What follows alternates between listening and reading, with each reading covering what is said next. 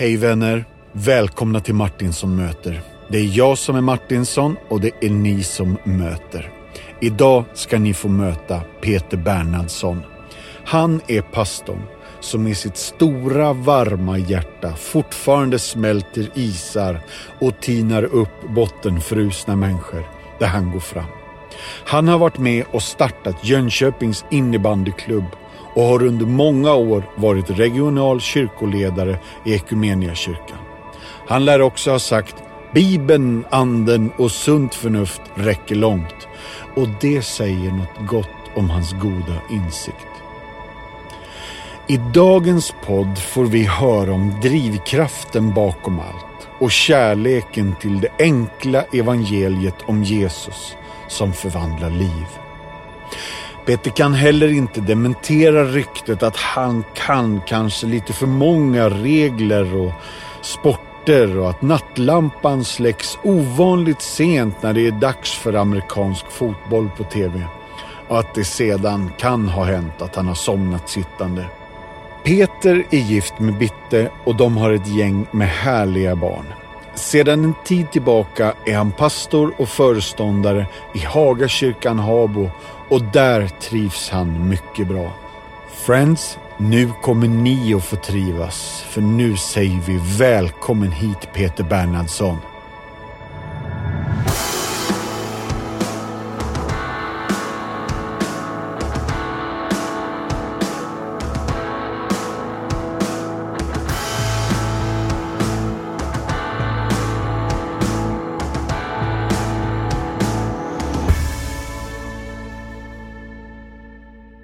Hörni, jag har redan hälsat alla Martinsson möter-gästerna välkomna, men nu är det äntligen dags att få hälsa Peter Bernhardsson välkommen hit.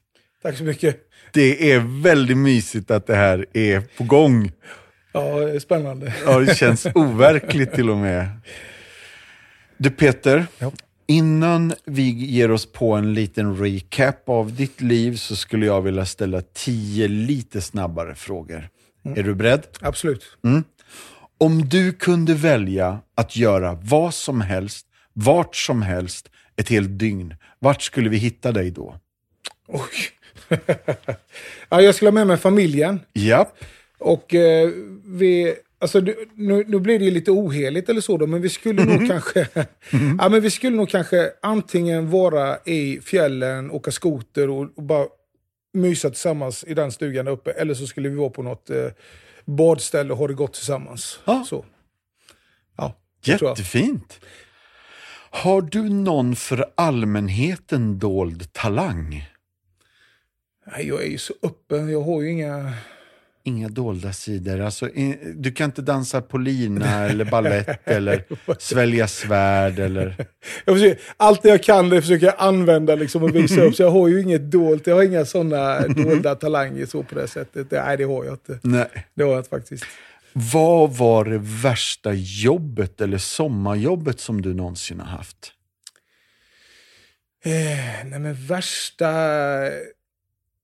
Nej, men värsta, men ett, ett otroligt roligt sommarjobb på ett sätt som var lite värsta, det var att jag satt på Eh, under några somrar när jag gick på högstadiet så satt jag på Fågelmuseet i Jönköpings stadspark. och då hade man ungefär antal besökare per dag 0,75 kanske. Det kom en per dag typ, liksom. ibland var det ingen. Och man sålde biljetter för, jag tror de kostade 25 öre styck, eller 50 öre för, 25 för barn och 50 öre för, för vuxen. Eh, där satt jag. Hade en otroligt bra timpeng för den tiden, liksom, så jag vet inte hur det gick ihop sig. Men det är norra Europas eh, största och finaste fågelmuseum. Värt att besöka. Underbart! Ja, Eh, om du omedelbart skulle kunna bli en expert på något, vad skulle det vara? Eh, Jag får säga vad jag vill eller? Jajamän! Ja, men då skulle jag vilja vara expert på, jag tror faktiskt på sjukdomar för att kunna hjälpa människor i, eh, i nöd faktiskt. Så, alltså det, det skulle jag gärna vilja ha. Ja. Vilket fint svar. Ja men det var, ja men jag bara, det bara, jag måste ju vara fin i det här programmet. Ja. Eller så är det ju då, nej, men, nej. nej men det tror jag faktiskt, det skulle vara, det skulle vara gott att göra. Mm. Det skulle vara gott. Om du kunde gå med i något tidigare eller ett nuvarande popband, vilket band hade du valt? Och den då? Eh, den var svår. Mm. Eh, Ja, men det var ju så här, när jag växte upp så kom, alltså jag är ju i brytningsfasen där mellan eh, nyare och gammal, eh, äldre musik i, i eh, Ja. kyrkan. Ja. Och då blev ju Jerusalem. Ja. Så, alltså, så ursprungs-Jerusalem. ja. Att få vara med där och, och spela hård... Nu är jag ju inte musiker, men att, att få med dem och, och, och sjunga liksom moderne man och... Du, Ja. du vet, det hade varit lite coolt, för det, var, det blev viktiga för mig liksom, i, i, en, i en tid i livet där. Åh, Ja, grymt svar. Jag hoppas Uffe lyssnar. ja just det. Har du något favoritminne från barndomen eller tonåren som du kan dela med oss? Ehm. Nej, men om, jag, om jag får gå upp lite äldre så hade jag ju en resa, min bästa polare som, alltså, som jag vuxit upp med så eh, under lång tid, Bosse Almqvist. Eh, då var vi lite äldre, vi var i 20-årsåldern. Där, liksom, så. Men då, då, då var han och spelade volleyboll på Hawaii. Eh, han var otroligt duktig i volleyboll.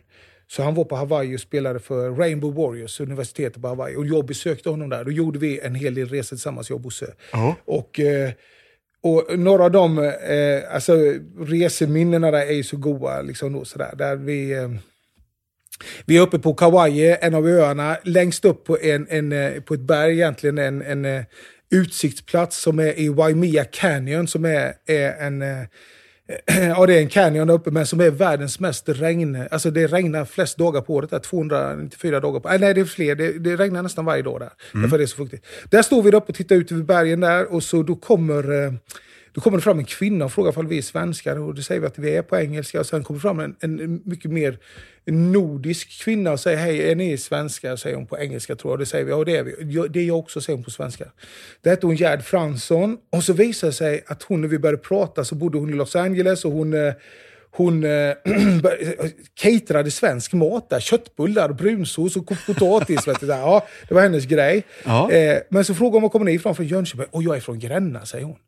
Känner ni någon från Gränna? Och jag prövar något namn och så säger Bosse, min kompis, men min pappa är från Visingsö. Vad heter han? Ja, Börje. Ja, Börje, säger hon. Då står vi mitt ute i Stilla havet i en canyon uppe på berget där. Jag och Bosse och Anna, ja, så står vi där och så, så möter vi en av hans pappas barndomsvänner liksom mitt ute där. Och då blir det, och vi pratar, vi skrattar och, vi, och, och då säger ni, sk- om ni kommer till Los Angeles så måste ni besöka mig. Vi ska dit om två veckor. Så då åkte vi till Gerd Frans och så bodde vi där och käkade köttbullar och kokt potatis. Och det stod ett remmalag och svensk flagga på bordet. Så, nej, men det var sådär, förlåt, det var, det var en grej som poppade upp nu. Det finns säkert andra Underbart. grejer. Så, ja, Ja, men det är ja, ju ett jättegött ja, den är minne. rolig. Den är rolig. Med den livserfarenheten som du har nu, vilka råd skulle du ge ditt 18-åriga jag? Eh, Var dig själv. Stå för det du tror på. Eh, var kärleksfull mot andra människor. Jag skulle nog uppmana mig själv att, att, eh, att läsa Bibeln mer.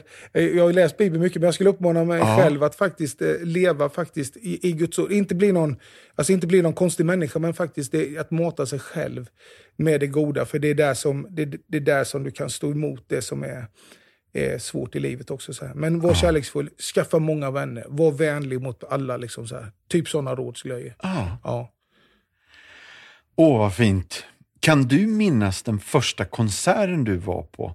Och kanske den största konserten du har varit på? Inte i publikmängd, utan stor i musikalisk upplevelse.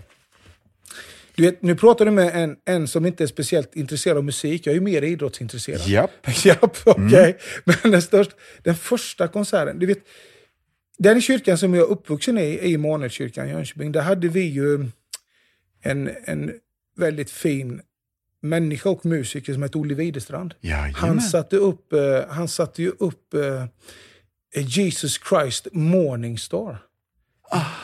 Eh, han skrev den och det gjorde han som ett svar på Jesus Christ Superstar. Där man inte vet på slutet för Jesus uppstod eller inte. Just Olle reagerade på det här och tyckte att vi vet ju vad som hände, så han skrev Jesus Christ Morningstar.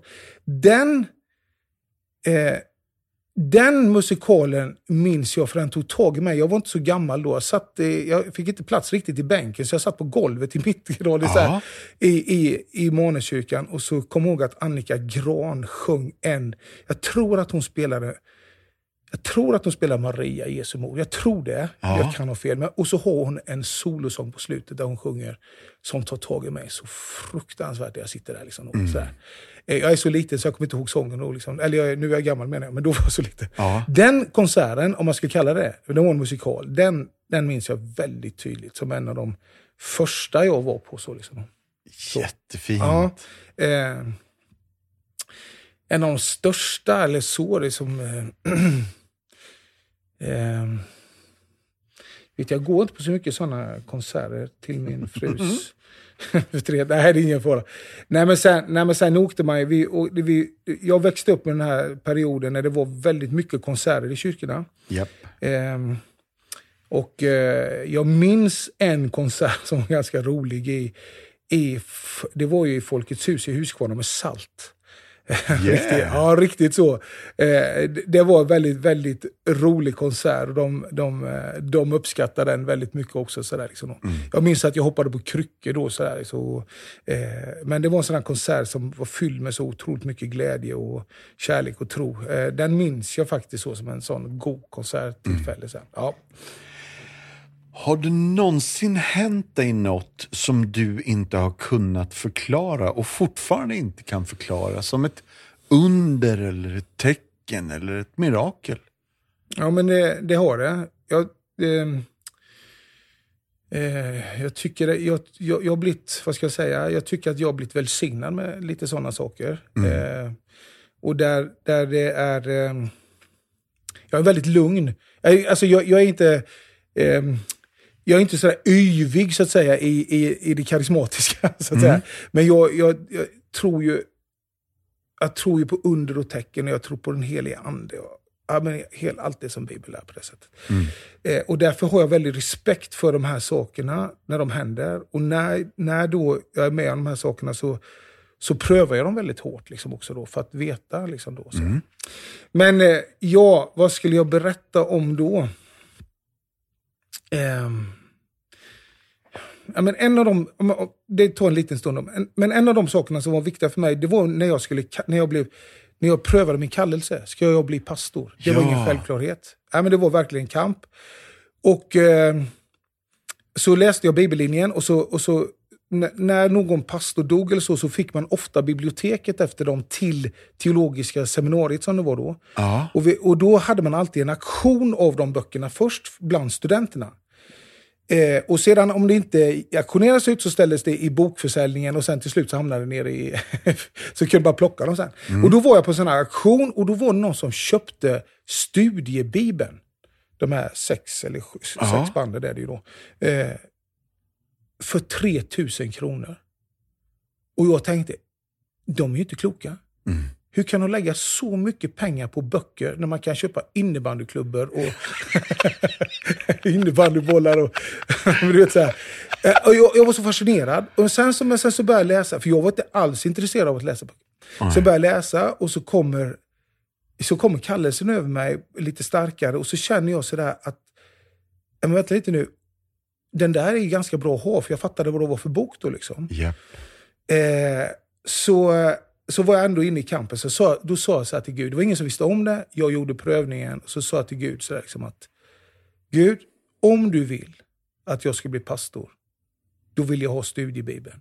För de, fann, de tillverkas inte längre, för de Nej. slutade tillverkas 1982 när den nya översättningen kom. Ja. Och man kunde inte liksom hålla på med de här för de kostade för mycket att tillverka. Ja, nu idag så är det inget konst för det ligger på nätet, så, men då var det så. Eh, så säger jag, gör jag upp det med Gud, om du vill att jag ska bli pastor, då vill jag ha studiebibeln. Och jag vill ha den till ett bra pris, jag vet ju ungefär vad den kostar. Eh, och, eh, så, så, och det där hände inte, det hände inte. Och min mamma, jag berättade för min mamma och pappa gjorde jag. Så de började leta efter den. Jag, inte att jag gjort upp med Gud, men att jag vill ha studiebibeln. Så de satte upp lappar på generalkonferensen och sökte. Ja, så här, fick, fick inte tag i den. Så i alla fall så hade jag börjat läsa bibellinjen då. Och, så, och, så en, och då satt jag också i SMU-styrelsen, Riks. Jag hade varit inne på ett sammanträde i stan och så skulle jag åka ut till, till Lidingö igen. Och då hade vi haft ett samtal om kallelse. Vad är viktigt i kallelsen? Och då visste jag att jag hade satt upp det här tecknet, lagt ut den här ullen. Ja. Liksom då. Ja. Och så på bussen på vägen ut till Lidingö så satt jag där och så, och så började jag liksom resonera med Gud. Och så, och så inser jag att Gud talar till mig och säger, men är det det som är det viktiga Peter? Är det inte vad jag har sagt till dig? Är det inte vad människor faktiskt säger om dig? Är det inte... och, och där jag inser att det där är inte det som är det viktiga. Och jag ber Gud om förlåtelse på bussen där. Eh, och, och säger Gud förlåt mig för att jag har krävt ett tecken. När du har gett mig så mycket annat. Liksom då, så där. Förlåt mig Gud. Liksom. Jag, jag ber verkligen om förlåtelse. Jag kommer ut och går och lägger mig vid tolvtiden för att vi var ett sent sammanträde. Och dagen efter, innan jag hunnit vakna, så kommer de och knackar på min dörr och säger Peter, du har ett telefonsamtal här ute. Och, ja, för det var i korridoren, inga mobiltelefoner är det. telefonen i korridoren. Jag går ut och, där eh, och så, så är det Kenneth Heinevik, en god vän till mig, som Ja. ringer. Nej, förresten, det var ju efter vårt sammanträde. Spelar ingen roll, jag blandade upp det lite. Men då ringer han mig så säger han så här, Peter, vi har precis haft gudstjänst och jag har eh, predikat om Bibeln och jag har använt en studiebibel här som tillhör Gunnar Björkborg. Eh, och de frågade mig ifall jag vill ha den eller vill köpa den, men det vill jag inte för jag har ingen användning för den. Så Men jag tänkte på dig Peter. Ja. Nu när du läser till pastor, är inte studiebibeln bra för dig att ha? Mm. Jo, så jag. Du ska ordna det åt dig, så. Sen. Så jag åker ner och så möter, möter, möter jag eh, Birgit, oh, förlåt nu vet, nu kan jag säga fel förnamn här, men Birgit, Birgit Björ- Björkborg. Eh, och, och då sitter jag ner med henne och hon ska överlämna den här bibeln till mig. Så jag frågar, men vad ska du ha betalt? För jag visste att jag är beredd att betala 3000 kronor eller mer, men jag måste få det till ett bra pris. Så säger hon, nej men jag vill ha 1200 kronor. Så. Nej men du, du får mer. Liksom. Nej, jag vill inte ha mer. Och jag skickade med de här och de här böckerna, så fick jag dem. Så gick det ett par veckor och tackade, ja, det var fantastiskt då. Sen så predikade jag och då nämnde jag detta i min predikan, att det hade hänt. Och berättade det. Jag sa inte summan, men då kommer min gamla söndagsskollärare fram till mig efter den gudstjänsten. Jag hade predikat hemma i min hemförsamling. Och så tittar han på mig och säger, Peter, vad betalar du för den här bibeln? Eller vad betalar du för studiebibeln? Nej, det säger jag inte så. Jag vill att, jag vill, jag vill att du ska veta det. Eller jag vill veta det, så. Ja, 1200 kronor. Bra, sa han. Och så gick jag in och drack kyrkkaffe, så kom han. Där han varit i bankomaten. Så kom han med 1200 kronor, så sa han, du kan köpa hamburgare eller vad du vill för de här pengarna. Men du ska inte betala ett öre för den. Nej, men det där är bara en sån där liten... här- Grejen var just händelsen att jag ber om förlåtelse och bara någon timme efter får jag Bibeln. Liksom. Ja. Det, och då, då är det min, eftersom jag tror på, på, jag tror på den heliga ande, jag tror på Gud, jag tror på Jesus, jag tror på under och tecken. Då blir det en hälsning till mig. Peter, jag har dig i min hand. Så att säga. Så här. Och då hade jag letat under år efter den. Så att säga. Ja. Ja. Det blir en lång story, men det är en sån där grej som, som blev en hälsning in i tjänst. Så att säga. Jättebra du, det är en hälsning till oss också. Guds omsorg och trofasthet. Alltså. Ja, precis. Du, nu är det den sista av mina tio första frågor. Ja. Om du kunde dela en lång trerättersmiddag med fyra individer som är nu levande eller sedan länge döda, vilka fyra skulle du välja då? Och jag får välja vem jag vill. Liksom. Precis vem du vill. Men du vet, en som pastor måste man säga Jesus. Men det, jag ska träffa honom sen. Jag ska ju fira måltid med honom i hela livet. Eller Men hela du- evigheten. Alltså, så här är det. Anders Arborelius och Lina Nielsen säger ju, Jesus är ju alltid med oss. Ja, exakt. Ja. Exakt. Så jag tycker nog inte att du behöver sätta honom vid bordet. Han är med ändå. det är bra. eh, ja, men vilka skulle man vilja... att- Ja, men, ja, då väljer jag... då skulle jag sätta...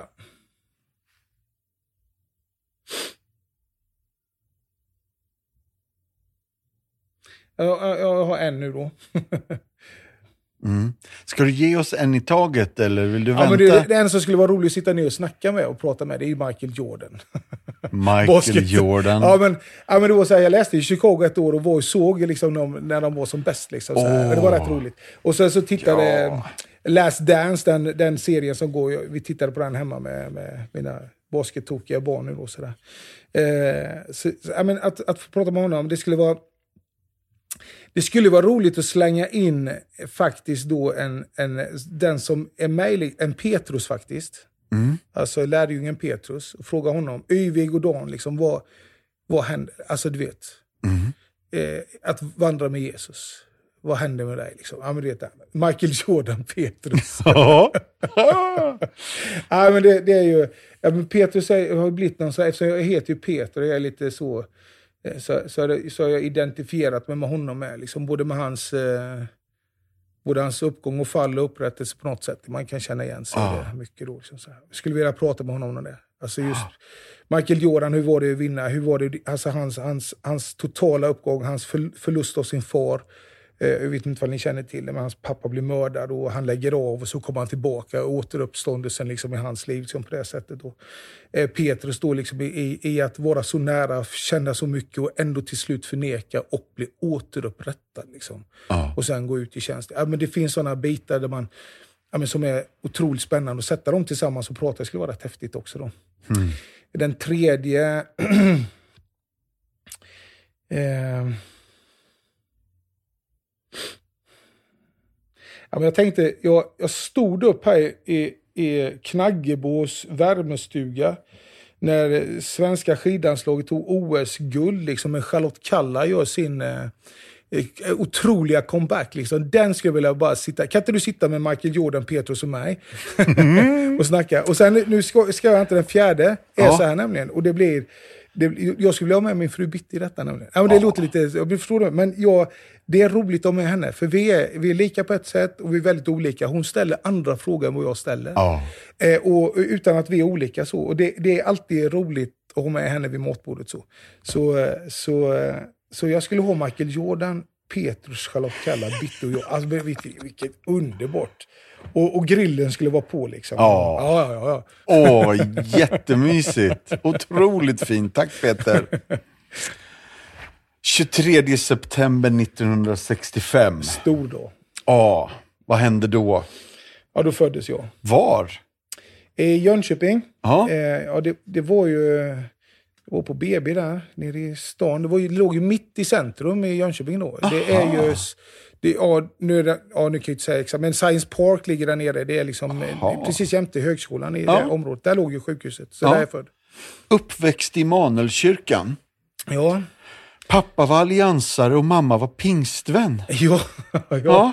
ja. pappa är från Sävsjö, alliansare från Sävsjö. Ja. Och mamma kom till tro i Pingstkyrkan i Jönköping. Så var det. Ja. Eh, Hon är inte uppvuxen... ja, Alla var ju i princip troende på den tiden, så det fanns ju en tro i mammas familj, men de var inte aktiva kyrkliga. Så, utan det var mamma som hittade vägen Ja. eh, till Jesus i Pingstkyrkan i Jönköping. Så, mm. Mm, så var det. Nu har jag en fråga. Har du, är det möjligt att du är grundaren av Jönköpings innebandyklubb? Ja, nej, ja, både ja och nej. Jag är inte grundad. Vi var, nej, men, nej, men det var... Vi, jag var med och grundade Jönköpings Innebandyklubb. Ja, det var jag. Ja. Absolut. Det, man kan säga så här att min bror Johan blev väldigt drivande. Och han, han, eh, vi spelade jättemycket innebandy i Maneskyrkan. Ja. Tok mycket nere i... Det, det, blev, det blev en sån här stor grej. Vi var väldigt tidigt ute. Ja. Eh, på mitten på 70-talet. Och, eh, och så hade jag och min andra brorsa hade varit iväg och skidor i Österrike och Johan hade spelat en innebandyturnering och träffat på ett riktigt innebandylag. Vi visste inte att det fanns riktig innebandy, så att säga. Vi spelade hur mycket som helst. Eh, som var frisksportarna i Motala. Då. Och han kom hem och så berättade, när vi kom hem så bodde vi hemma då. Så berättade han det för oss och så började vi prata om hemma om vi kanske skulle by- bilda en klubb då. Liksom sådär. Så det började vid vårt köksbord hemma ett samtal.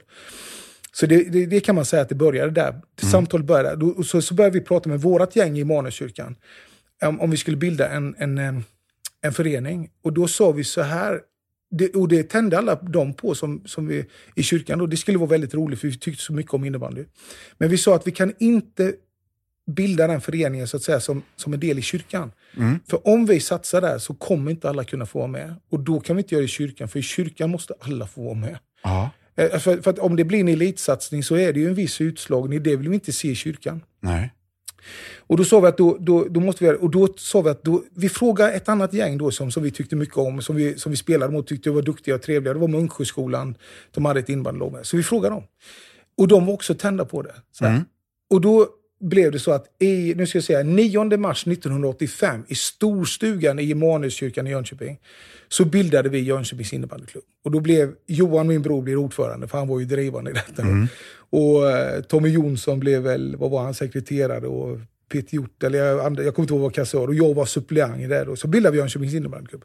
Så idag är det väldigt roligt att se liksom eh, eh, se klubben och man ser, ser kids som går omkring i Jönköping med, med det här liksom emblemet. Ja, det är lite roligt. Är det. Men jag har inget, jag har varit borta från det så länge, men jag spelade de första åren, var med och spelade så ordentligt. Otroligt roligt. Men du gillar fortfarande boll? Oh ja. Ja. ja eh, idrott, ja men det är viktigt. Eh, sport, eh, jag är en sportkille och mina barn eh, idrottar ju. Molly, min äldsta, höll ju på både med fotboll och innebandy. Ju så. Eh, Och eh, mina två grabbar, Moses och Benjamin, höll på, både med, de höll på med tre nu. De har testat allt möjligt. Då, både bandy och hockey. Men just, just nu håller de på med basket, innebandy och fotboll samtidigt. Så att det, tjena. och sen har vi lille Eli då som är, är han är en hemmakille. Mycket, så han, vi får se var han landar någonstans. här, men, det, det, Ja, det är bra. men det är mycket boll. Är det. Sandlergymnasiet, Huskvarna. Jaha. Ja. Lumpen, ungdomsledare i Gamleby. Ja, var... Missionskyrkan. Ja, nej. Nej. Jag var, eh, nej, jag var eh, Åbys, Åbyskolan hette den. Usch, den tog jag upp snabbt. Ja. Eh, Åby, jag, var, jag var då... Eh, vi skulle ju vara assistenter, där, elevassistenter skulle vi vara. Ja. Men fungerar väldigt mycket som fritidsledare. Men, men däremot så Missionskyrkan där så... eh, Jag kom i kontakt med Missionskyrkan där, det gjorde jag ju. Så jag, jag hängde där lite också. Så. Ja. Det var ju så. Och du har redan berättat om åren, eller du har touchat vid det här med TOS, Mm. alltså när du, Teologiska högskolan Stockholm, som då var på Lidingö, Ja. eh, och din brottingskamp och vånda. För det var inte alls självklart. Men Mm. Nej, det var i, det inte. I det här så, Nej, men jag hade en, jag, en, äh, med att bli pastor. Eh, jag har alltid varit trygg i min tro. Eh, Uppvuxen. Och du, du nämnde att min mamma kom ur pingst och min pappa från allians. Men när pappa flyttade till Jönköping så blev, så blev det Immanuelskyrkan. Det var, det var ju väckelseförsamlingar. Många var ju det på den tiden. Liksom, Ja. då, jag menar, Frank Mangs var där på möten och Bertil På. Så här, det var ju den andan. Så pappa hittade hem Immanuelskyrkan. Eh, och, och, och när mamma och han träffas och de gifte sig så blev Immanuelskyrkan deras hem. Eh, och, och det har varit mitt hem hela tiden också. Eh, och jag var hela tiden var trygg i min tro och trygg i min andlighet. Eh, och, det, det, och Immanuelskyrkan är mitt andliga hem. Eh, det är där, där alla de människorna som ledare och alla de som jag haft där har ju lett mig på vägen. Och, eh, men sen det här med att bli pastor var ju en kamp i mitt liv. Och det, jag vet att jag har fått hälsningar ända sedan jag var liten att jag kanske ska bli pastor och så. Då. Men det var Ja. ingen självklarhet i mitt liv. För jag var, som Petrus då, jag vet ju vem jag är. Jag vet vad jag misslyckats med och allt det här. Så det var en kamp. Men, men sen så började jag jobba då tillsammans med en eh, väldigt fin, och han är förebild för mig också, Niklas Pienso. Vi jobbade tillsammans i tre år och han utmanade mig. Och då kom den här kampen igång på allvar. Så då jobbade jag som ungdomsledare i Immanuelskyrkan, han var ungdomspastor. Ja. Och då vet jag att då, då var det väldigt, det blev väldigt jobbigt för mig. Och jag var uppe på nätterna.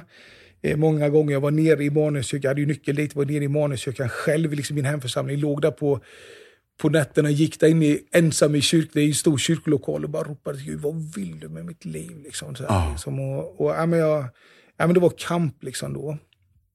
Eh, och till slut så en dag så bara, så här, jag kan inte kämpa längre utan nu och, jo, sen var det ju, jo, så var det så här, då var det ju, nej, det, ja, det, jag ska inte, jo, då i alla fall så till slut ändå så bestämde jag, nu ska jag, jag, jag ansöker i alla fall då liksom.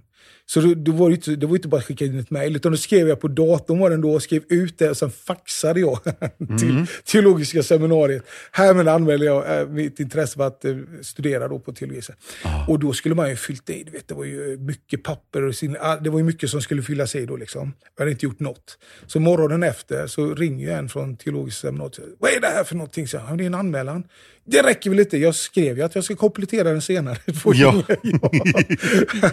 och då, då blev det ju bråttom sen. Så jag, men, men det fina var att när jag hade skrivit ut den och när jag hade stoppat den i faxen och tryckt på den och den gick igenom, då stillade sig allt. Mycket märkligt. Hela den här kampen, alltihopa bara la sig. Och jag kunde gå och lägga mig och sova. Och sov hela natten. Och hon ringer, är lite irriterad på mig, men jag står fast och liksom. Och så söker jag då liksom. Så här. Eh, Fint. dit. Ja, och det, det var... eh. Ja, men sen, är det ju, sen har det varit en kamp, liksom så, men jag har inte kämpat eh, efter det. Sen har inte kampen varit så mycket om jag ska vara pastor. Liksom. Utan mer... Eh, ja, men det, då är det en kamp med att vara pastor sen. Ja. liksom, allt vad Ja. det innebär, det vet ju Ja. du. Ja. Eh, nej, men det, så så den, den resan har funnits och den har varit i Immanuelskyrkan. Så Immanuelskyrkan är mitt andliga hem. Verkligen Ja. så. Mm. Gislaved och Tibro och jobba på lager och Ja. Privatchaufför åt någon. Ja, eh, Gislaved var, det var också en sån där grej. Jag, kom, jag, jag hade dissat mig själv. Jag hade fått frågor många gånger om jag skulle bli ungdomsledare. och sagt nej. För att det, samma orsak. Jag vet vem jag är. Jag vet att jag inte duger. Liksom. Jag vet mina synder. Jag vet allting. ja, men du vet sådär. Eh, och så, och så, så när jag kom, då hade jag varit, det var när jag kom hem från Hawaii med Bosse. Eh, då ligger en lapp på mitt bord. Jag hade bett min brorsa inte ta hand om mina blommor, för jag hade inga blommor. Utan ta in tidningarna. Bara så. Och, och så ligger en lapp, han jobbade i Gislaved, så ligger en lapp på mitt eh, köksbord. Peter, de söker ungdomsledare i Gislaveds missionsförsamling. Jag skrev att du, jag sa till dem att du är intresserad. Ja. Och jag var inte alls intresserad. Var har du fått det ifrån? Liksom så här. Jag ringde upp honom. Var har du fått detta ifrån? Ja, men du har ju sagt nej. Jag är inte... Du vet så här. Ja. Och, så, och sen så dagen efter så åker jag till Strandgården för att jag ska jobba i receptionen där nere. Just på, det. Ja. Och, och så sitter jag där i receptionen så öppnas dörren bakom mig. Och så kommer in en man som jag känner sedan tidigare från lite olika sammanhang. Evert Andersson. Så öppnar han dörren bakom mig. Så vänder man och säger hej Evert, hej Peter. Och så vänder jag mig om igen och så säger han så här. Ja, så han, din brorsa har flytt... Din brorsa jobbar i Gislaved, sa han. Ja. Men han har inte flyttat dit, sa han. Nej, till Gislaved kan ingen flytta sig. Då blir han tyst en stund. Jag skojade bara, för jag visste att han var för... Och så blir han tyst en stund, för jag tänkte mig inte för. Så sa han, nähä. Men skulle du kunna tänka dig att flytta dit? Ja. Och då följer polletten ner. Åh, det, åh, ungdomsledare, då snurrade det till i huvudet mig. Och det märkliga hände liksom, att jag vände mig om efter fem sekunder kanske och tittade på honom och sa, ja, det kan jag tänka mig. Ja. Så, så snabbt vände det. Mm. Och, och det, är ju, det är ju bara Gud. För att jag hade sagt nej, nej, nej, nej, nej. Och så när han säger, ja det kan jag tänka mig. Vad bra, sa han. Då ska jag prata med min styrelse. Och sen rullade han bollen igång. Ja. Och, och, och det blev så sen, med, med lite turer i det. Men, men det blev så. Så att jag, efter den sommaren började jag sen. Tog tjänstledighet från det jobbet jag hade. Och så började jag som ungdomsledare i Gislaved. Så var det. Och sen så, så hade ju Niklas börjat då, Pienso börjat i Immanuelskyrkan. Och han ville att jag skulle komma hem och jobba där. Jag hade inte tänkt det, men det blev så. Och det blev till slut eh, tre år i Immanuelskyrkan då. tillsammans. Med Niklas där. Ja. Ja. Och sen kom kallelsen då till, eh, till eh, att, att läsa. Så då läste jag till pastor tre år. Ett av de åren var jag i Chicago då. Och sen blev det Tibro. Och det var också en sån eh, i Västergötland. Jag hade sagt till honom när de skulle placera mig att jag, jag kan tänka mig söder om Stockholm. Men inte Jönköpings distrikt. För de kände mig där som, ja, som den jag var. Utan jag ville, jag ville testa att bli pastor någon annanstans. Så då blev det Tibro som blev en otroligt välsignad tid för mig.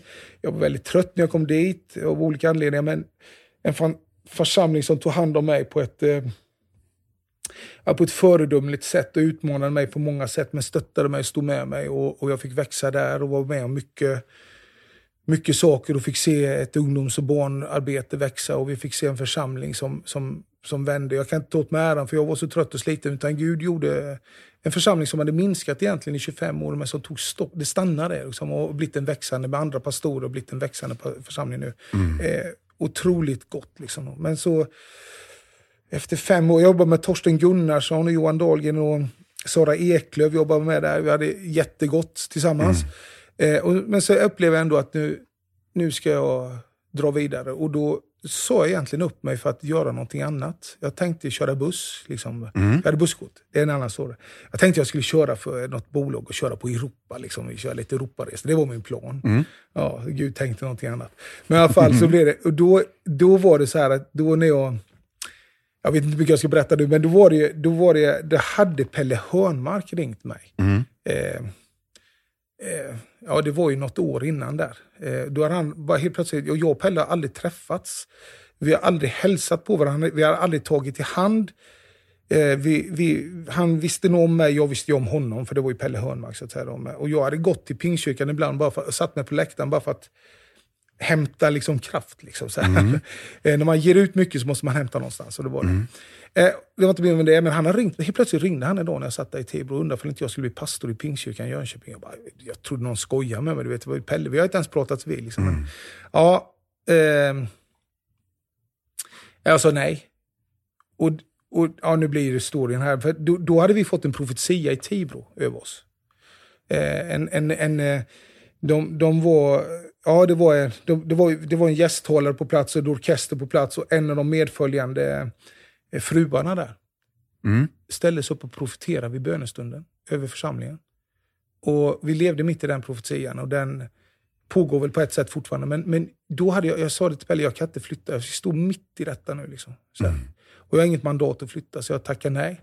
Och han säger, kan vi inte ha dörren öppen? Ja, så ringer han efter ett halvår igen. och jag säger till Pelle, det var goda samtal, men jag sa, ja, det, jag, nej, det är inte, jag har inget mandat från Herren. Men så plötsligt en, en, en dag på expeditionen så, så då hade det gått ett år sedan han ringde första gången, så satt jag där själv och kände att nu är det dags för mig att... Jag saknade mina, alltså mina, de närmsta vännerna som jag hade, var ju inte, jag hade ju inte den kontakten med dem. Jag började sakna det livet lite och jag sa till, så till slut sa på expeditionen sa jag till Gud så här, nu, jag tror att jag vill sluta nu. Liksom. Jag, vill, jag, vill, jag vill sluta här. Mm.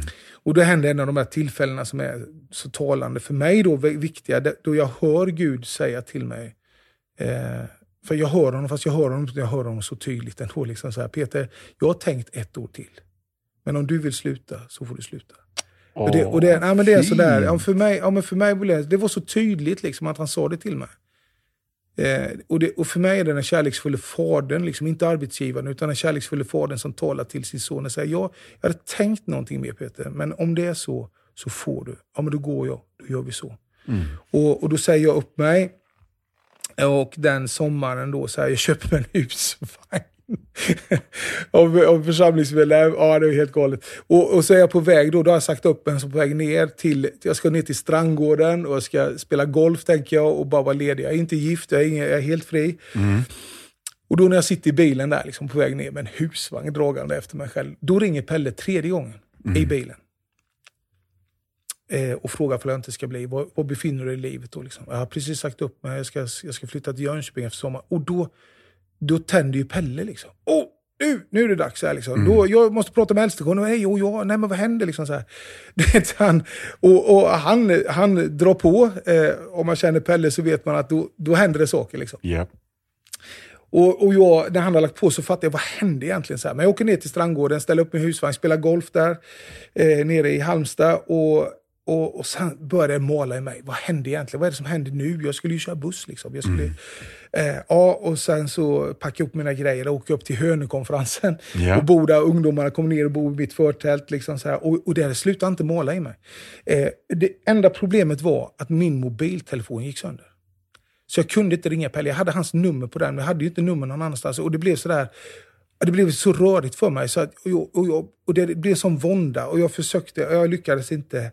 Så till slut en dag där på Hönökonferensen så säger jag till ungdomarna, nu åker jag in till Göteborg. Ni får ta hand om husvagnen. Liksom. Vad ska du göra då? Jag ska köpa en mobiltelefon, säger jag. Jag åker in till Göteborg, och jag är så dålig på Göteborg, men jag åker till Femmanhuset.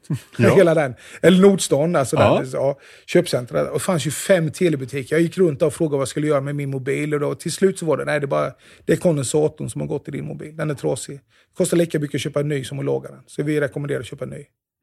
Ja, så stod jag där och tänkte, vad ska jag göra? Jag måste få tag i Pelle liksom. Jag, jag, jag mår inte bra av detta. Liksom. Jag måste veta vad som händer. Vi måste få kontakt. Liksom. Och vi, vi har fortfarande inte träffats. Liksom, så. Ja. så jag bara, jag går in och köper en mobil. Så jag, vart ska jag gå? Jag går in i den butiken. Så jag går in i den butiken. Ställer mig där, kön. Och så är det så här, då har de sån här kampanj som man hade då. Man köper en mobil för en krona. Ja. Ja, det var ju så perfekt. Liksom. Det var ju det jag hade råd med. Så var det ju då på faktura, eller på Abonnemang, på ja. Exakt. Eh, ja, så jag köper, och då frågar jag, vad har, ja, vi har bara den här turkosa, jag tar den. Så. Spelar ingen roll. Alltså, ja, så, och då, så köper jag den, skriver på alltihop och så säger han det som han inte får säga. Nu måste du ladda den här 24 timmar sen. Nej! Jag ska ringa nu, säger jag. Liksom då. Ja. Nej, det- det är inte bra om du gör det, för det är inte bra för batteriet. Du måste ladda den 24 timmar, sen kan du ringa. Sen är det bara att köra. Ja, Okej då. Så tar jag den, betalar honom en krona, går fem meter utanför butiken. Där står Pelle Hörnmark. Och pratar med Janne Lund ifrån Tibro. Och Janne Lund kände jag då, från, han var med i Pingstkyrkan i Tibro. Så han stod där, som de två pingstvännerna stod där och pratade med honom. Så jag går fram till Pelle, sträcker fram handen och så hälsar jag på Pelle, tar i hand med honom för första gången i livet. Så här, Hej Pelle. Hej Peter, sa han. Vad gör du här, sa han. Jag köpte mobiltelefon för att ringa dig. Det var väl onödigt att göra här, säger han. och så pratar vi, vi med Janne lite, så säger Pelle att, eh, så ringer Pelle till Tina som är i Då, hans fru då. Jag säger, du jag träffar Peter Bernhardsson, får vi en timme att prata? Absolut, hon skulle handla kläder där. Ja. Så det var inga problem. Så satte vi oss på ett fik, jag och Pelle.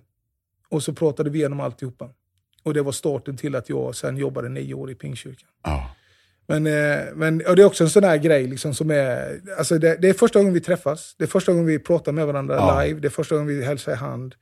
Och det, det är där det sker. Liksom och så. Och det är, eh, ja. och därifrån, så, men då var det ju inte klart. Liksom då. Så det som hände är att jag flyttade till Jönköping och jag har eh, egentligen, eh, jag tänkte vara ledig, hade semester, men då ringer den andra pastorn i Pingstkyrkan och säger Peter, eh, Magnus Karlsson, du, eh, eh, hade du något jobb? Nej, men jag har en i vår församling, han har blivit av med körkortet. Men han har en sån här försäkring. så att han, han, eh, han behöver en privatchaufför. Det är så? Ja, ja, ja. ja. Det är jättebra. Så, eh, så har, du, har du möjlighet att köra honom en månad? Så jag blev eh, driving Miss Daisy, fast jag... Drive, ja. Lars, jag ska inte säga... Jag ska säga hans förnamn så behöver han inte kalla Lars Göte heter han då. Så Lars Göte och jag, han har blivit av med det, det var lite retligt så här. Hans, de hade glömt nycklarna så han var, körde lite för fort motorvägen. Så blev han av med det. Så jag körde Lars Göte. Eh, under en månad. Vi hade jättefina samtal. Han var medlem i Pingstkyrkan men hade en bakgrund i mission. Ja, det var, han hade så fina samtal och jag lärde mig mycket om ledarskap, för han undervisade om ledarskap. Så jag körde privatchaufför, jag hämtade honom på morgnarna, eh, hans bil, och så körde jag honom dit han skulle under en månad. Så, det, är- ja, är sant. Och sen när den var slut så ringer nästa och säger Peter, har du något jobb? Nej, de behöver hjälp på eh, Gilbert Trading som köpte varor då från Kina och andra ställen för att sälja till ekohallen. De här, ja, men lite sådana här billighetsvaror, så, men schyssta grejer. De behöver hjälp. Ja, jag kan väl ta det då, så jag tömmer någon container. Så blir jag kvar där på månaden. Och där hände det väldigt mycket. Där, där, där, hände, det, där hände det väldigt mycket grejer som, som bara var ja, under och tecken, som var så märkligt. Ja. Eh, eh, ja. Men det, så, så det, och det var lite roligt. Och sen blev det Pingstkyrkan efter det sen. Ja. Ja. Åh, vad det är gött att lyssna till allt detta Peter. Eh, jag tror att vi är framme vid 2004 nu va? Ja, ja, det, jag, jag tänka efter. 2003 så började Pingst... 20, ja, precis. Slutet Ja. 2002 och 2003. Ja. Ja. 2004 är ett år sedan. Ja. Så den fjärde människan du valde in till ditt middagsbord var Bitte. Och här kommer hon in i ditt liv va? Vi, vi möts första gången... Vi träffas första gången precis i början på 2003. Gör. Ah. Ja. Men 2004 gifte vi oss sen. Japp. Vi, Ja. Eh, men, och det, det, ja, det var så. Ja. Och hur många kids har ni? Fyra. Fyra. Molly eh, är äldst då, hon är 15 år, så är det Moses och Benjamin som är tvillingar. Ja. Men det kan man inte se om man träffar dem. Och de har precis fyllt 13. Och så har vi Eli, som Ja. är, han, är på, ja, han blir åtta nu här, men sju. sju. Just det. Alla är sportfånar utom kanske mest Eli då. Ja, vi vet inte än. Ja, just det. Du bakar mycket. Ja, men det har blivit, eh, alltså, eh, en av mina arbetskamrater, Johan Einarsson, var, eh, har, bakar mycket. Bakar mycket bröd. Ja. Och, och eh, jag skulle säga att han, det var inte han som fick mig att börja, för jag gjorde ett, gjorde ett par försök innan, men jag, jag trodde att det var väldigt svårt att baka bröd. Alltså jag vet inte varför. Men jag gjorde ett försök och så blev det stopp på det. Och sen när jag träffade Johan och började jobba med Johan så ba- bakade han och då kände jag, nej men nu ska jag också komma igång med det. Och det är typ, jag vet inte, det är ett och ett halvt år sedan någonting. Två, inte två år tror jag inte. Så har, jag, så har jag bakat väldigt mycket bröd. Ja. Jag bakar allt möjligt. Det är hamburgerbröd och korvbröd och pitabröd och frukostfrallor. I, i, igår gjorde jag sådär eh, nattjästa eh, surdegsbröd. Och liksom. Nej, så fruktansvärt gott alltså. Så här, ja. Nej, men jag bakar allt möjligt. Så här. Ja. Och ger mig på lite tårta ibland och lussebullar. Och, ja, men det, ja, det är superroligt. Jättegött. Och, om det är märkligt, den här jäsningsprocessen, någonting, du vet, ja, du vet, det är så häftigt att se det hända. Liksom, och man står, ja, jag vet inte vad det är, men, men för jag har funderat över det faktiskt, varför jag, varför jag gör det, detta just nu. Då. Ja. Och då, då är det, jag tänker lite så ibland just omkring det här med, med munkarna och förmodligen också de eremiter och sånt i öknen. De höll ju på mycket med att knyppla du vet, kors eller, eller göra munkost eller klosteröl. Eller, du vet, sådär. De höll Ja. på med någonting sådär, hantverk. Och ibland så är det som att man det vi sysslar med i kyrkan, du får ju inte ha för bråttom. Men en jäsningsprocess är ändå, den måste kunna ske, men den händer lite fortare. Liksom då. Men det är, det är något liv som växer. Det finns en, en kombo med detta. Och Jesus använder ju också det här med surdegen som bild, liksom då, mm. med, med, med den här jäsningsprocessen. Och, och jag tror det ligger något i det. Jag vet inte varför jag har blivit så fascinerad av det. Jag tycker det är otroligt roligt. Alltså. Det, Jättegött! Ja, ja. Du, någon av dina vänner har sagt att du är frikyrkans Baloo. Och någon har sagt, han är som Aslan, värd att frukta, men det finns ingen varmare. Och någon annan har sagt, tydlig, vass, vänlig och varm. Och när de sa vass så var det nog mest som förkunnare, inte som person.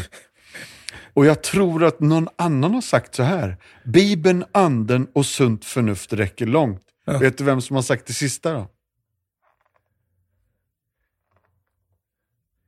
Bibeln, anden och sunt förnuft. Du vet, det, det där är pingströrelsens... Eh, med, med, ja, det, ja, det skulle kunna vara Pelle Hörnmark. Är det du? Är det jag? Men det, är många, det är märkligt att det är många som tar miste på mig Pelle Hörnmark. Det, vi är ju inte lika. Men Jättebra! Ja, men det är det jag säger. Det, ja. ja, det är Jag står för det. Det är, det är absolut. gött. Ja, jag står för det. Ryktet säger att du kan reglerna till de flesta sporter? inte flesta sporter, men jag kan, jag kan mycket. Ja, men, jag, ja, men I och med att jag varit så idrottsintresserad så, har, så lär man sig mycket regler också. Så är det ju. Mm. Eh, och, och, men sen, sen kan jag inte alla sporter, inte på något sätt. Just nu, så, just nu så är jag otroligt intresserad av, eh, eller just nu, det har varit lång tid, men av amerika, amerikansk fotboll. Ja. Och eh, då är det ju så här att där finns det så extremt mycket regler. Yep. Ja. Och då, så om jag skulle säga att jag kan alla dem, då skulle jag ljuga. Men jag, jag kan ju grunderna i den sporten då. Och yep. jag kan grunderna i väldigt många sporter. Så är det ju. Så är det. Det här har jag i mina papper faktiskt. Uh. För det här innebär ju att du är sist i säng på hela bostadsområdet. För de här matcherna går miss i nassen. Ja. Så ja. är det va? Ja, ja, ja, ja, ja. Men så var det någon som sa, ja men han är uppe först också. Ja. Jag vet inte vad det är riktigt. Jag, jag, jag är, ja, det är märkligt, men, jag, men de säger också, mina barn säger att jag somnar någon gång på eftermiddagen. Jag, jag, men, det, men, nej, men jag är nattmänniska, men jag är också morgonmänniska. Jag vet inte ja. hur det går ihop riktigt. Nej.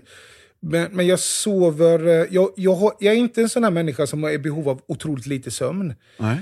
Men jag vet av erfarenhet att jag sover, normalt sover jag 6,5 timmar per natt. Ja. Sen, jag, sen vaknar jag oftast då. Mm. Ja.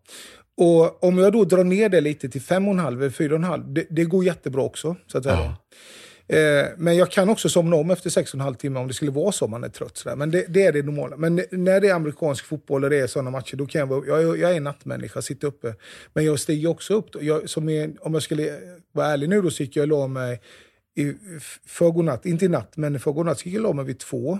Då mm. får jag kolla på amerikansk fotboll. Mm. Men jag stiger upp vid sju med barnen då. Liksom, så. Yep. Ja, det gör man. Absolut.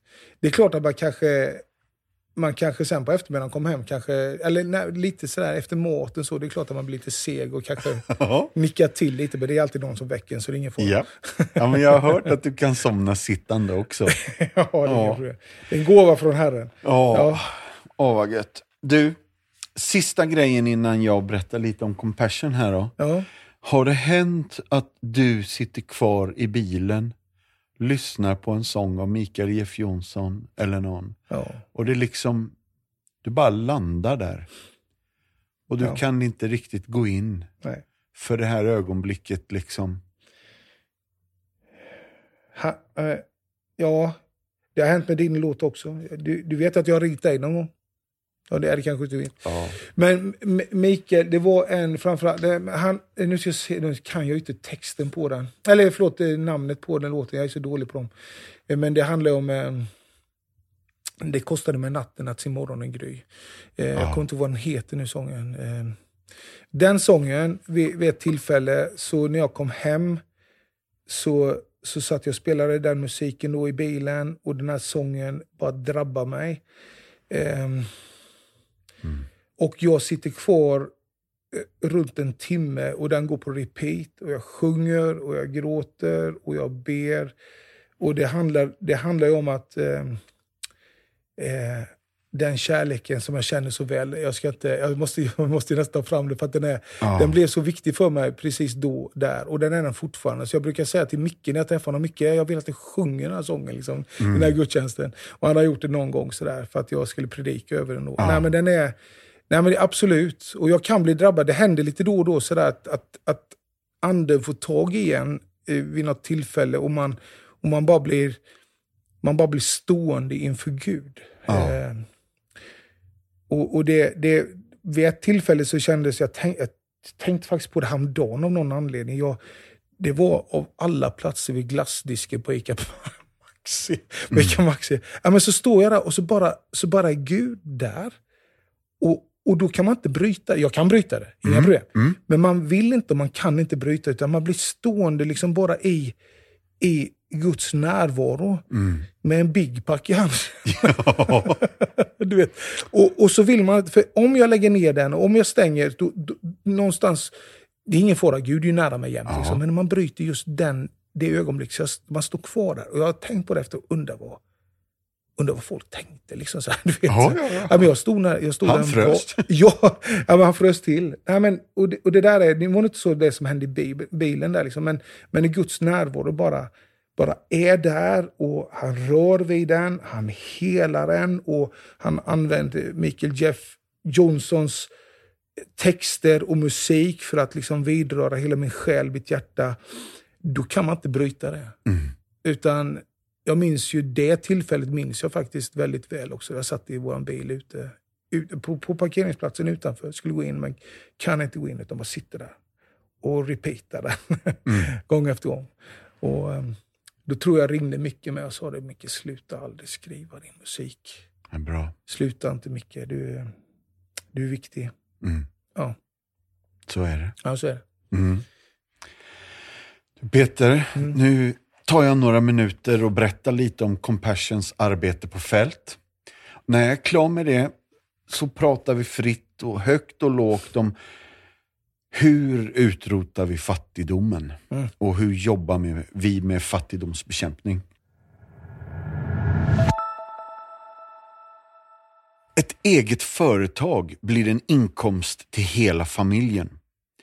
När Compassion-centret erbjöd en utbildningskurs i print och prägling så anmälde sig tonåringarna Juan, Santiago och Eddie, trots att de inte visste något om hantverket. Till deras förvåning blev det här snart deras passion och en väg ut ur fattigdomen. Men deras resa till att få examen på sin kurs var endast möjlig på grund av en enorm beslutsamhet, drivkraft och handledarnas ständiga stöd. Strax efter att kursen hade börjat 2018 så tvingade det politiska oron i Nicaragua Compassion-centret att tillfälligt stänga ner arbetet och därmed också sätta paus på yrkesutbildningen. Spärrarna och de ekonomiska svårigheterna gjorde det svårt för Compassion att hitta material som killarna behövde, men deras stora passion för kursen så letade personalen fick tag på det så att Eddie Juan och Santiago kunde återuppta arbetet. Vi såg hur viktigt det här blev för killarna. Att de också var de äldre barnen inspirerade de allra yngsta i sin beslutsamhet, sina ansträngningar och sin förmåga till uthållighet, berättar handledaren Marisol. År 2019 avslutar killarna sin kurs. Vid 18 års ålder tog Juan och Santiago också examen från fadderbarnsprogrammet. Men när pandemin året därpå slog till så kunde killarna använda sin tryckeriförmåga för att tjäna pengar till sina familjer. Det här är inte längre tidsfördriv.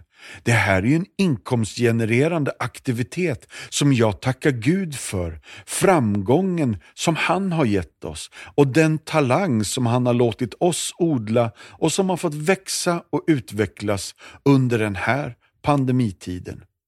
Genom att sälja sina produkter har alltså Juan, Santiago och Eddie hjälpt till att återställa den finansiella stabiliteten och tryggheten i sina egna familjer.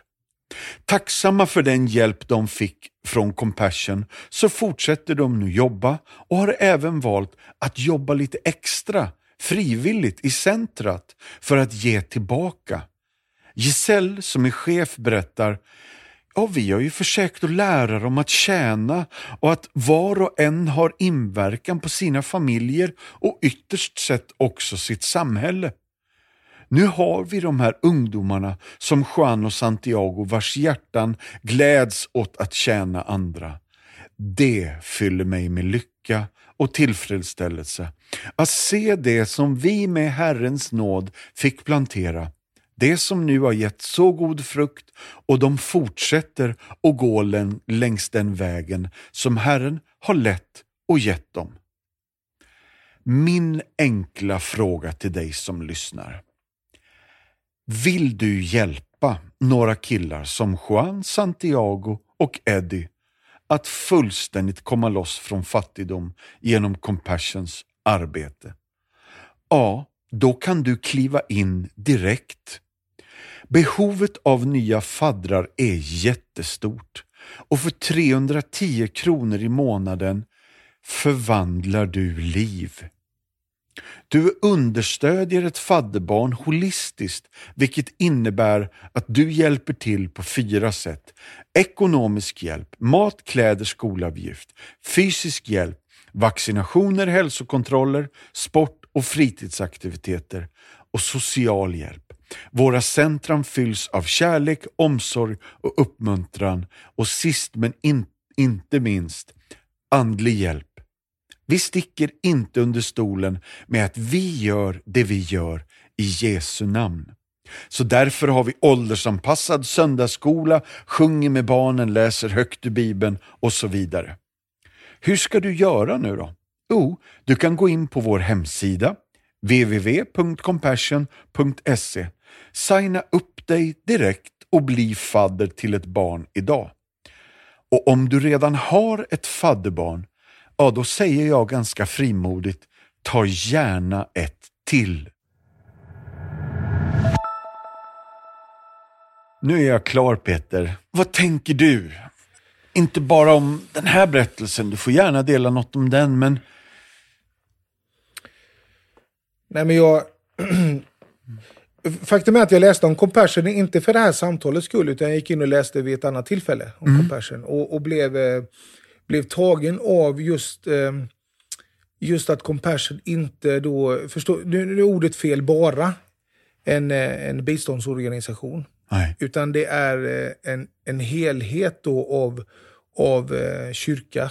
Och, eh, alltså det är inte en kyrka, men, men alltså att sprida evangelium och hjälpa människor. Yeah. Den, den, den, den bilden som är missionell. Liksom. Jag, jag, blev, jag blev glad, för jag visste inte det faktiskt innan så på det sättet. Och, eh, och, och, kände att det här Compassion gör det som eh, en kyrka gör egentligen.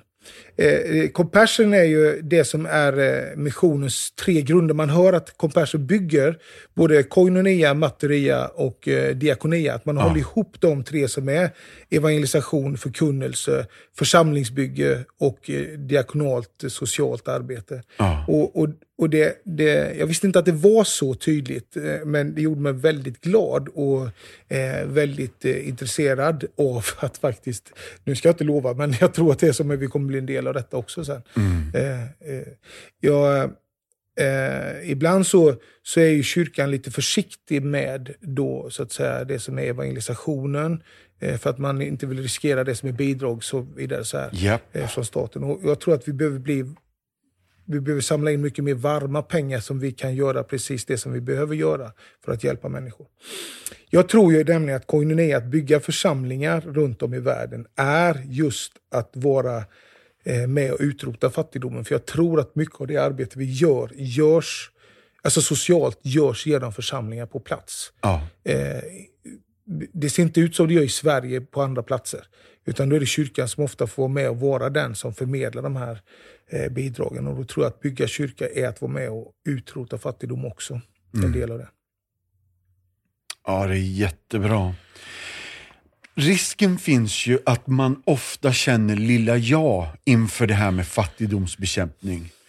Vad, vad vill du säga till den som känner sig liten där då? Nej, jag, jag tänker... ehm, vi, vi ska ha ekumeniska böneveckan här om, om vecka tre och då så skulle vi ha 24-7-bön och då sa vi att det, det är inte så lätt att fylla 24-7. Alltså sju dagar, 24 timmar. Det är inte lätt. Och då är det ju så här att eh, eh, ekumeniska böneveckan pågår ju i 120 länder eh, samtidigt. Yeah. Och om man tänker sig då att när det är natt här så är det dag någon annanstans. Alltså de här 24-7-bönen, den kommer ju pågå. Vi tar del av en världsvid gemensam bön till Herren. Så är det ju också när man kommer till detta med gåvogivande. Att om alla tänker men bara lilla jag, nej men då blir det ingenting. Nej. Men om alla säger att jag gör min del, då, då, då, det är då det händer. Ehm, det finns ju den här klassiska berättelsen om Augustinus som kommer ner på stranden efter en storm och den lilla pojken går och kastar tillbaka sjöstjärnor som har blåst upp i miljontal på stranden. Ja. Och så, så frågar Augustinus, vad gör du? Jag räddar sjöstjärnor, säger han då. Liksom. Och så kastar han tillbaka en. Men, och då säger Augustinus, men vad spelar det för roll? Det är ju miljontals här. Liksom. Vad spelar det för roll om du gör det? Ja, men för den här spelar det roll, säger han. Så kastar han tillbaka en. Och för den här spelar det roll, kastar han tillbaka en. Och det är en vacker bild.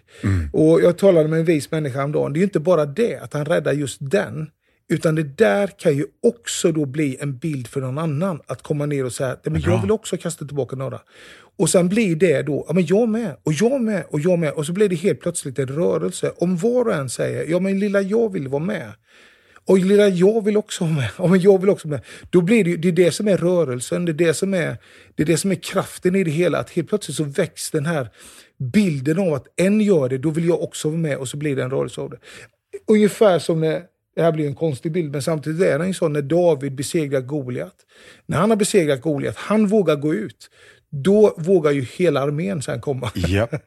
och, och det, så, så en liten kan få betyda så extremt mycket för att röra vid ett helt sammanhang som kan röra vid en hel världs fattigdom. Så jag tror att man ska inte tänka så bara lilla jag, utan du gör det du kan. Och det kan faktiskt få betydelse för, för så många fler som också vill vara med. Och för den du hjälper så betyder det kanske ett helt liv. Så att säga. då. Ja. Jag måste bara få spinna vidare på det här, för att det finns ett kyrkosamfund i världen som bestämde sig för att tänk om vi ska satsa på att hjälpa en nation. Ja. Så att vårat samfund på något sätt koncentrerar oss på det här landet.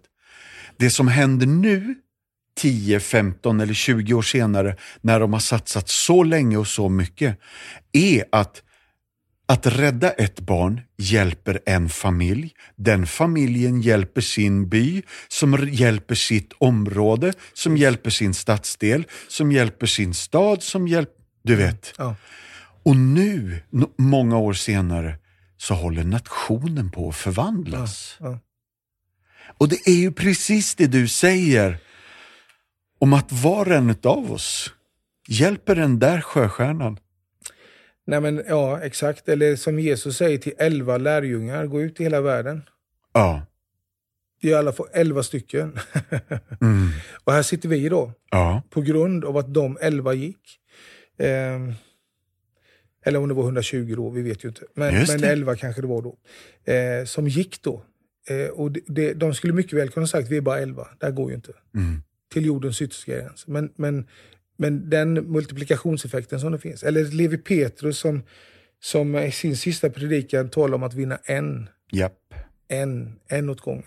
Och det är så det fungerar. Så om var och en vinner en, det är multiplikationseffekten som är sån. Så, jag, så Mattias, jag tror att man, man, när man säger inte jag, bara lilla jag, så då tänker man fel.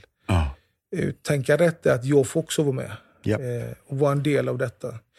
Eh, sen, sen hörde jag i och för sig, jag göra vad ni vill, men för några år sedan hörde jag att om alla amerikanska kristna som är i kyrkan där, som ungefär ger 2,5 procent i, i offer till kyrkan i snitt, höjde det till 5 procent, då skulle man kunna vara med och utrota fattigdomen i världen. Yes. Så, så rik är så att säga den rika delen av kyrkan. Mm. Eh, och då, då inser vi också att om vi inte bara skrapar på ytan utan faktiskt är med Mm. så kan, vi, så kan den här vågen kanske startas lite fortare också. Det är bra. Ja. Åh, tack snälla Peter. Ja, tack själv.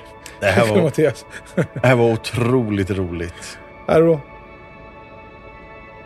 Slut för idag och tack för idag allihopa. Vill du veta mer om det som har pratats om i podden så har vi något på vår hemsida som heter Show Notes. Där kan du se alla länkar till sånt vi pratar om när vi refererar till en film eller en bok eller en sång. Då finns de länkarna där, så gå in på compassion.se så hittar du helt enkelt massa extra material. Tack, ha det bra, bye bye, hej då!